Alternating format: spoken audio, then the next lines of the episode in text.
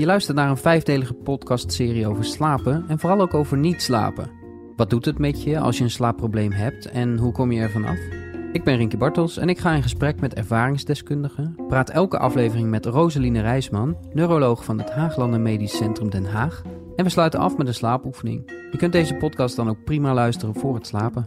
In deze tweede aflevering het verhaal van Francis Tuinstra. Zij lijdt aan narcolepsie. Je kan het ook gewoon ontwikkelen. En eh, daar ben ik er een van. In mijn puberteit uh, gebeurde het steeds vaker dat ik verlamd raakte of dat ik viel. En uh, op een gegeven moment viel ik 40 keer per dag. En ik dacht, nou, als ik 40 keer gevallen ben op een dag, weet je wat, dan ga ik wel zitten. En wanneer was de eerste keer dan? De eerste keer was ik een jaar of 14. En wat gebeurde er toen? niks, ik was in de stad bezig en we waren lekker aan het winkelen en ik werd moe. Dat was bij de Zeeman de eerste keer. Hebben ze een rotlampen trouwens, maar dat ontdekte ik later pas.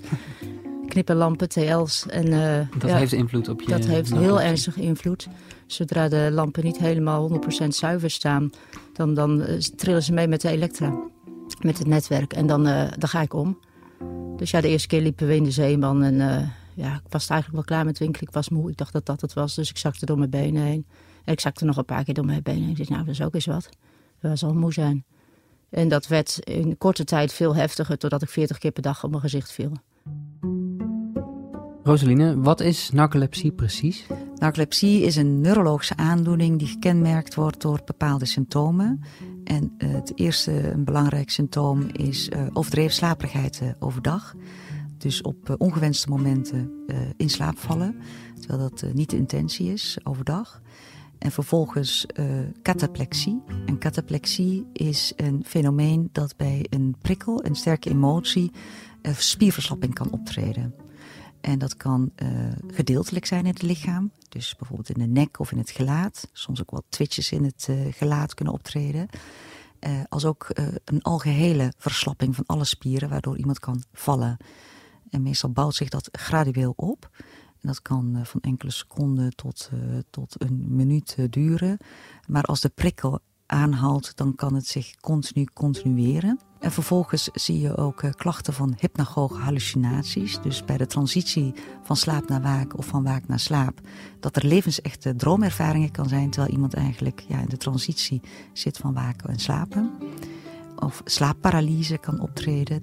Dat er volledig spierverslapping is en dat je niet kan bewegen. Dat kan wel eens heel beangstigend zijn. En dat kan gepaard gaan met die hypnagoge hallucinaties. En daarnaast een ander symptoom is ook fragmentatie in de nacht. Dus dat je veel wakker wordt en dan weer in slaap valt. Nou, dokter, dokter, dokter, dokter. Uh, jaren gedokterd. 17 jaar lang gedokterd. En elke keer stuurden ze me weg van ja, we weten het niet, je kunt het niet vinden. Het is niet, uh, het is niet precies zoals we het kennen. En toen ik uh, 34 was, kwam ik bij een arts en die zegt van nou, als ik het niet kan vinden, dan zit het niet tussen uw oren. Maar dan heb ik een gebrek aan kennis. Die neuroloog heeft mijn leven veranderd. Die heeft ontdekt dat het narcolepsie was, maar een atypische vorm. En tot die tijd is narcolepsie nooit voorbij gekomen? De eerste arts, die had uh, dokter het hele oude, hele oude neuroloog, eigenlijk uh, tijd voor zijn pensioen. Die had zoiets, uh, ik denk dat het narcolepsie is. Die heeft een lumbaalpunctie gedaan. Maar er kwam niet uh, genoeg uh, uh, zichtbaar uit de test. Hè. Gewoonlijk heb je met narcolepsie dat je geen hypocretine hebt. Ik had wel hypocretine, alleen verlaagd. Terwijl het is, ja, dat is niet typisch genoeg. Dus dan is het geen narcolepsie. En toen, 17 jaar later, kwam de dokter Koeman. En die had zoiets van, ja, maar alle symptomen zijn er wel. Dus we gaan behandelen voor narcolepsie. Dan gaan we kijken hoe het werkt. En toen, binnen zes dagen, was ik uit mijn rolstoel en liep ik weer... En ik loop nog steeds. Alleen als ik echt een intensieve dag heb, dan moet ik met mijn rolstoel. Maar uh, ja, ik ben al uh, jaren rolstoelvrij eigenlijk. Want uh, voor die tijd heb je dus veel in de rolstoel heel veel in de rolstoel gezeten. Ik was niet eens in staat soms om zelfstandig naar de wc te gaan. Ik was vaak niet eens in staat om op de bank te blijven zitten. Dat ik gewoon zo moe was. Dat ik gewoon, dat al mijn spieren verlamden en dat ik gewoon van de bank afviel. Daar kan je eigenlijk niks bij voorstellen. Maar je kan echt van de bank afvallen als je zit. Ja. En was het frustrerend dat je geen diagnose kon krijgen? Ja, je denkt dat ik ben en elke keer is wat anders. Ik had al zware migraine, ik was oververmoeid, ik had uh, last van mijn gewrichten. En op een gegeven moment denk je van ja, wat, wat heb ik dan nog meer? Is er dan, is er dan echt iets, iets idioots met mij aan de hand? En als je dan hoort van nou, je hebt narcolepsie. En bij narcolepsie hoort dus die extreme vermoeidheid. Bij die extreme vermoeidheid hoort je idiote nachtmerries. Dat je altijd maar gillend wakker wordt, dat je rechtop in je bed zit en dat je wakker bent en dat de dromen doorgaan. Dat je echt zoiets hebt van, nou jongens, ik ben toch wakker. Ik zie mijn kamer even kijken. Ja hoor, blauw-geel gordijntje, geruit gordijntje, deur rechts. Ja, nee, dit is mijn kamer. Oké, dit is mijn kamer, dus ik droom. Nee, dat kan niet. Ik ben wakker, want ik zie mijn gordijn. Ja, maar er komen monsters uit de muren. Dat kan niet. Ik ben wakker, jongens. Ik ben wakker. Dit is niet mogelijk. Dit is een droom. En dan jezelf uit die droom zien te halen en proberen maar weer normaal verder te slapen. Heb je tot je 34ste, eigenlijk tot die diagnose, wel eens gedacht dat er geestelijk iets met je mis was? Ik ben heel erg gaan twijfelen, want ik viel heel veel. En daar word je onzeker van. En op een gegeven moment was er een arts en die vroeg mij... Ja, maar mevrouw, valt u niet omdat u onzeker bent? En dan ben ik ontzettend kwaad geworden. Ik denkt u nou niet dat ik ooit in al die jaren heb nagedacht van... Word ik nou onzeker van het vallen of val ik omdat ik onzeker ben? Dat is iets waar je continu over nadenkt van waarom val ik nou? En waarom val ik meer als ik het leuk heb? En, en waarom ga ik in de discotheek helemaal lam? Heb ik te veel gedronken? Ga ik naar een festival? Weet je wat, ik ga een heel festival niet drinken. Ga ik nog helemaal lam? En echt, hè, gewoon als een vader ook op de grond en ze kunnen me wegslepen. Niet meer in staat om welke spier dan ook te gebruiken. Niet meer kunnen praten, niet meer kunnen kijken. Ik ben zelfs een keer gereanimeerd geweest. Dat ik dacht, waar zijn ze mee bezig? Ik, ik, hallo, ik hoor jullie, doe normaal. Pijnprikkel, geen pijnprikkel, pijnprikkel, geen pijnprikkel. Weet je hoezeer het doet? Uh, oogreflex, pupilreflex, geen pupilreflex. Ik dacht, nou hou maar op met een rotlampje. Maar ze gaan wel gewoon door, want er was geen reactie. Er was geen meetbare reactie meer. Nou, dat was mijn allerzwaarste cataplexieaanval ooit. Dat is heel eng. Ja, want cataplexie, dat is een symptoom van ja. Uh, narcolepsie. Wat is cataplexie precies? Uh, cataplexie in de volksmond, zoals mensen het kennen. Je hebt narcolepsie en als je moet lachen, val je om. Nou, dat omvallen, dat noemen ze cataplexie. Dus het is, uh, het, het, is gerelateerd aan je emoties? Het is gerelateerd aan uh, prikkels. prikkels. En doorgaans zijn het de prikkels van uh, lachen, opwinding. boos worden, opwinding. Maar wat minder bekend en daar, daar, zijn, ja, daar wordt ook niet over gesproken. Ook de emotie van seks het is heel erg leuk dat je een fijne pot seks hebt. Maar ik heb inmiddels van meerdere mensen gehoord dat ze helaas verlamd raken. Terwijl ze het ontzettend naar hun zin hebben. Veel plezier. Ga er maar wat mee doen. Heb je dat zelf wel eens meegemaakt? ja, helaas wel, ja. Ja, mijn vriendin die was er heel mooi mee toen ze dat hoorde voor het eerst. Toen zei ze, oh, dat is mooi. Dan kan ik dus alles met je uitvreten. nou, en bedankt. maar dat was in ieder geval een hele positieve reactie. Want ze kunnen ook zeggen van, oh, wat erg, oh, wat een paniek. Maar, ja, of schrikken. Maar, ja, maar ja. zij had echt zoiets van, nou ja, oké, dan weet ik wat het is. Uh, gelukkig kan ik meestal wel praten. Dat is nog nooit gebeurd met, met iemand die niet van je toestand weet? Want dan schrik je natuurlijk een hoedje. Uh, nee, nee. Ik bedoel, mijn narcolepsie, als je me eenmaal goed kent, dan, dan merk je al heel snel dat er wat mis is met mij. En ik vertel ook altijd meteen aan mensen van... joh, moet je horen, als ik straks op de grond lig, niet schrikken, niks aan de hand. Ik heb narcolepsie, ik sta zo weer op. Want als ik het niet vertel, dan schrikken mensen zich echt wezenloos. Ik bedoel, eh, zo vaak gehad dat ik in de winkel of in de stad plat op mijn gezicht gaat... en dat iedereen meteen helemaal in paniek raakt. Nou, in het begin raakte ik dan zelf uh, ook gefrustreerd door de reacties, waardoor ik nog meer opgelaten voelde. Waardoor ik dus nog moeilijker uit die emotie kon komen. En nu weet ik gewoon, nou, ik donder om en uh, ja, ik probeer zo gauw mogelijk weer in ieder geval aanspreekbaar te zijn. Want uh, ja, het is vooral voor de omstanders is het heel heftig om mee te maken. Want er zijn mensen die gewoon werkelijk denken dat je een hartaanval of een TIA hebt. Heb je narcolepsie in principe je hele leven? Als het, als het debuteert, dan gaat het niet meer weg. Dan blijft het. Ja. En is het zeldzaam? Het, is, uh, het komt ongeveer in uh, vijf op de 10.000 uh, mensen voor. Dus het is relatief zeldzaam. maar we denken dat er ook mogelijk een onderdiagnostiek is. mensen ehm, ehm, kunnen ook wel eens lang in het circuit van de, de psychiatrie rondlopen voordat de diagnose wordt vastgesteld. De, de cataplexie kan wel eens ja, vreemd overkomen. Het is een, een, een, spierverslapping zonder bewustzijnsverlies is het eigenlijk. En dat bouwt zich gradueel op. Dus ja, als je dat fenomeen niet kent, dan kan dat een beetje vreemd overkomen en uh, een beetje dramatisch. En je kunt je voorstellen als het nog niet erkend is en uh, herkend is en er is nog geen therapie voor, dat het een enorme invloed heeft op je aandacht en concentratie en het functioneren overdag. Dus je kunt ook niet goed functioneren. En ja, daar kan um, een verkeerd label aan gehangen worden. Dan kan het lang duren voordat, uh, voordat iemand in het goede uh, diagnostiek uh, terechtkomt. Het is een ziekte en in mijn geval zelfs invaliderend. Dus je kan niet werken? Absoluut niet, nee. Ik heb alles geprobeerd, maar het is werkelijk echt onmogelijk. Je hebt alles geprobeerd om aan het werk te blijven? Ja, alle banen die, die, die, waarvan ik dacht van nou, dit kan ik wel, uh, dat moet ik halen. Maar ik blijk gewoon elke keer weer zo ontzettend uitgeput te raken... dat ik dus gewoon totaal verlamd te raken als ik te veel doe. En, uh, ja, dan blijft er niks meer over dan op de bank zitten. Van ellende ben ik op de taxi gegaan. Maar dat was allemaal voordat ik de diagnose had. De taxi was heel zwaar, want dan moest ik een dagje werken rijden. 500 kilometer moest je nog even heen en weer naar Rotterdam vanuit Vlissingen. En was het dan achteraf gezien ook niet best wel Onverantwoord, 100% onverantwoord. Ik zei tegen mijn collega's, ik zeg ik zit mezelf in mijn gezicht te slaan om wakker te blijven. Oh, dat went wel, dat went wel. Ik zeg, ja. het went niet. Frances heeft best wel lang moeten wachten op haar diagnose. Is de diagnosticering beter geworden? Ja, ik denk zeker dat daar veel meer aandacht voor gekomen is. Veel meer algemene kennis. Uh, hoe het in de maatschappij zit, weet ik nog niet zo. Maar bij huisartsen en bij uh, psychiaters ook. En bij neurologen ook is er meer uh, bekendheid gekomen. Is het genetisch bepaald? Is het erfelijk? In een heel klein gedeelte van de narcolepsiepatiënten is het erfelijk. En dan hebben we het over 2%, dus in 98% niet.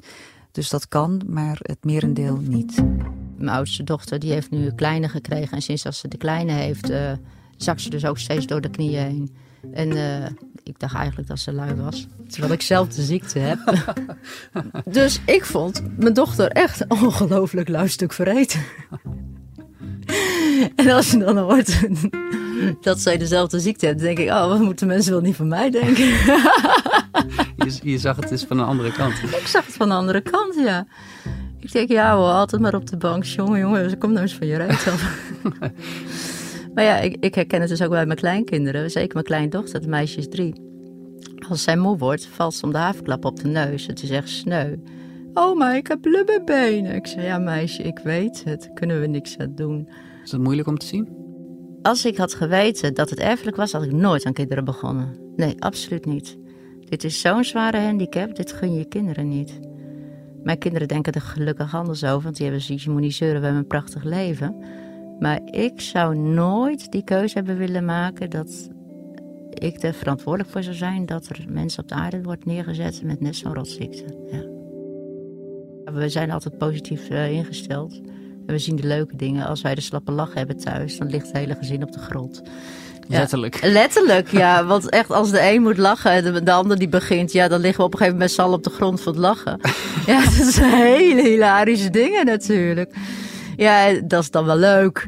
Eh, dus ja, laten we dan alsjeblieft de leuke dingen ervan zien. Dus dan liggen jullie met z'n allen gewoon verlamd op de grond, omdat ja. er te veel prikkels binnenkomen? Ja, ja, ja. Ja, of in het geval, ik heb een keertje knallende ruzie gehad uh, met, uh, toen met mijn man. En uh, ik was zo kwaad dat ik dus gewoon verlamd raakte.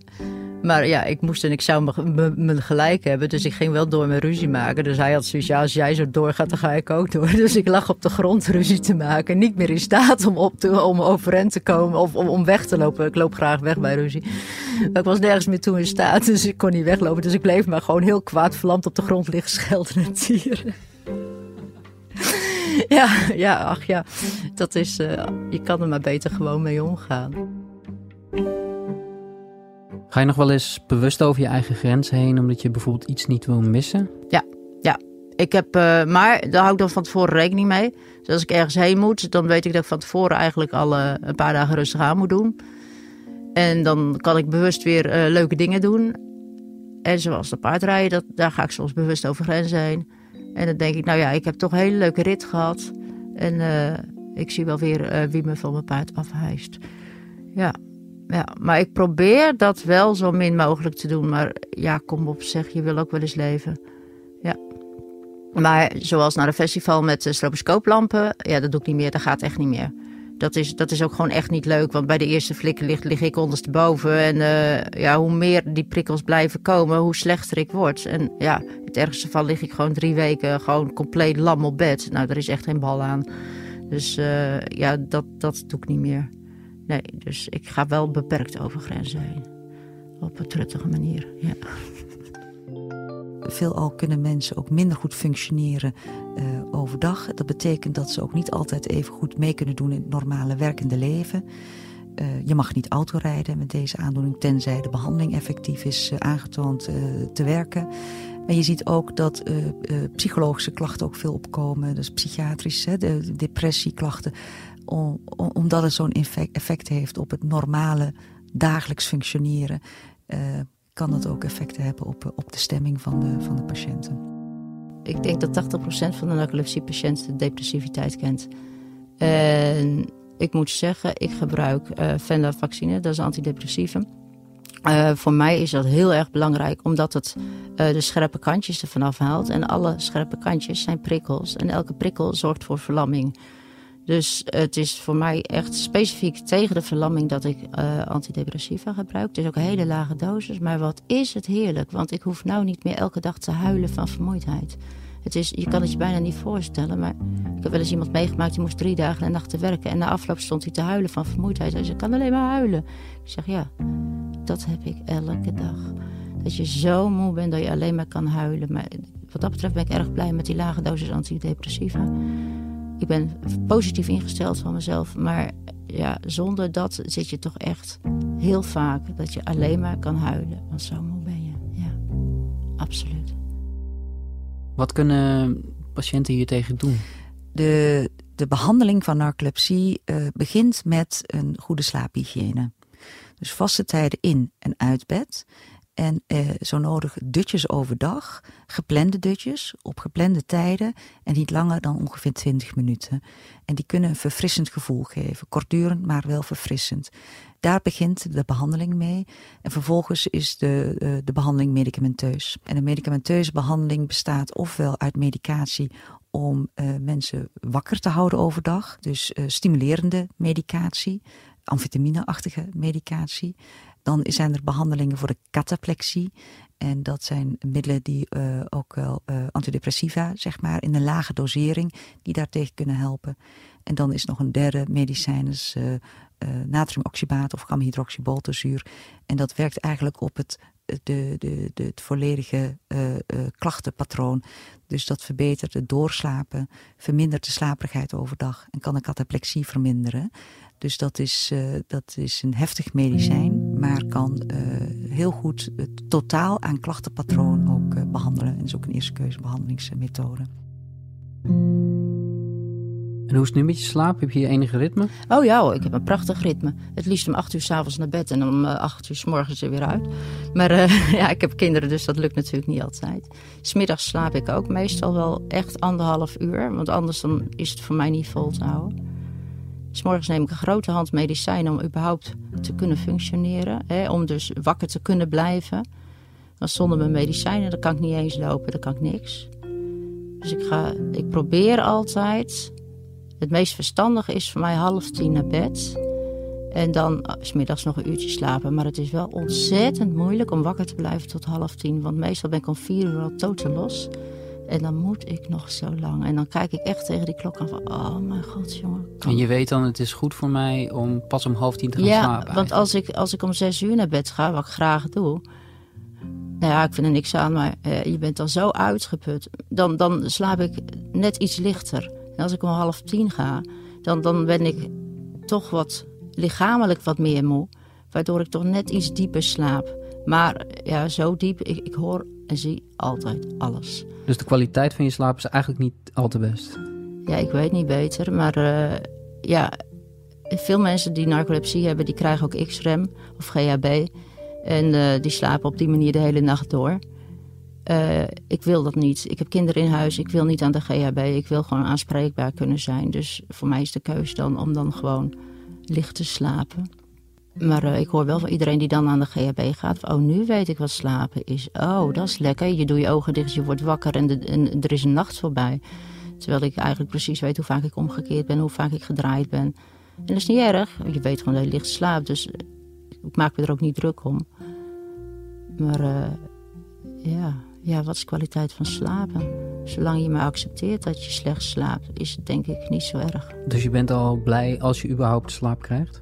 Nou, ik ben blij als ik overdag wakker kan blijven. Dat ik niet zo ontzettend uitgeput ben van de nacht dat ik gewoon overdag kan functioneren.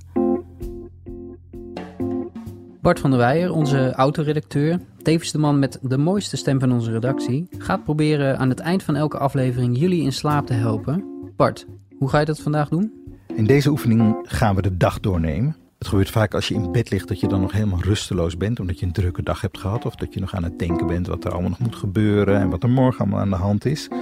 En dan kun je er baat bij hebben om een oefening te doen waarbij je de dag nog even één keer kort doorneemt voor jezelf. En de volgende oefening die we gaan doen, dat is een bewerking van een van dit soort slaapoefeningen van de meditatie-app Headspace. Dus je probeert eigenlijk een beetje je gedachten af te leiden. Ja, door nog een keer alles op een rijtje te zetten en even te overdenken wat je hebt gedaan, kun je voorkomen dat die gedachten maar blijven doormalen.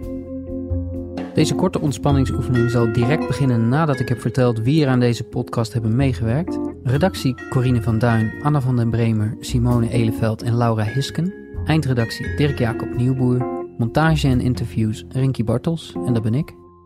Slaap lekker. Voordat je iets doet, neem je de tijd om echt even comfortabel te gaan liggen. Zorg ervoor dat je onder de dekens ligt voor het geval je in slaap valt, dan lig je alvast lekker warm. En ook al slaap je normaal gesproken niet op je rug, ga nu toch zo liggen.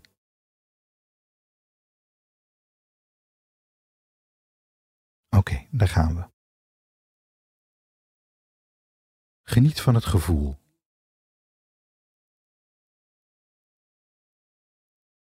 Ontspannen zink je weg in je bed onder je. Je had één of twee keer diep adem.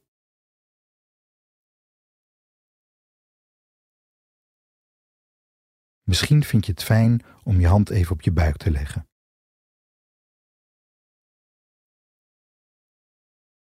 Merk op hoe je lichaam zich voelt. Rusteloos. Stil. Zwaar? Is het klaar om te gaan slapen? Of is het nodig om nog wat meer te kalmeren?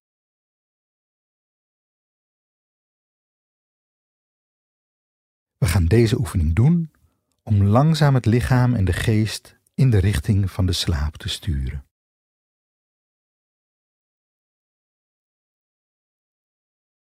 Ik wil graag dat je begint door terug te denken aan het eerste deel van de dag. Alsof je een video bekijkt die wordt doorgespoeld.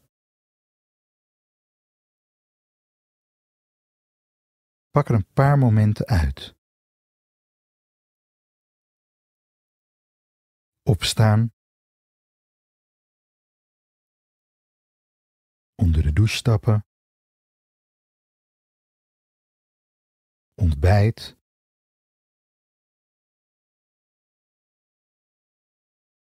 hoe je van huis vertrekt en naar je werk gaat.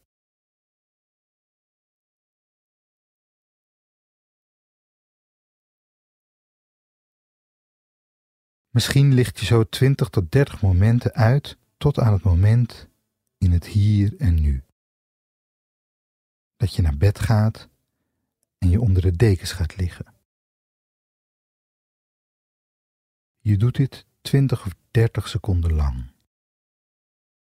Even kort teruggaan langs de dag en de geest naar het huidige moment halen.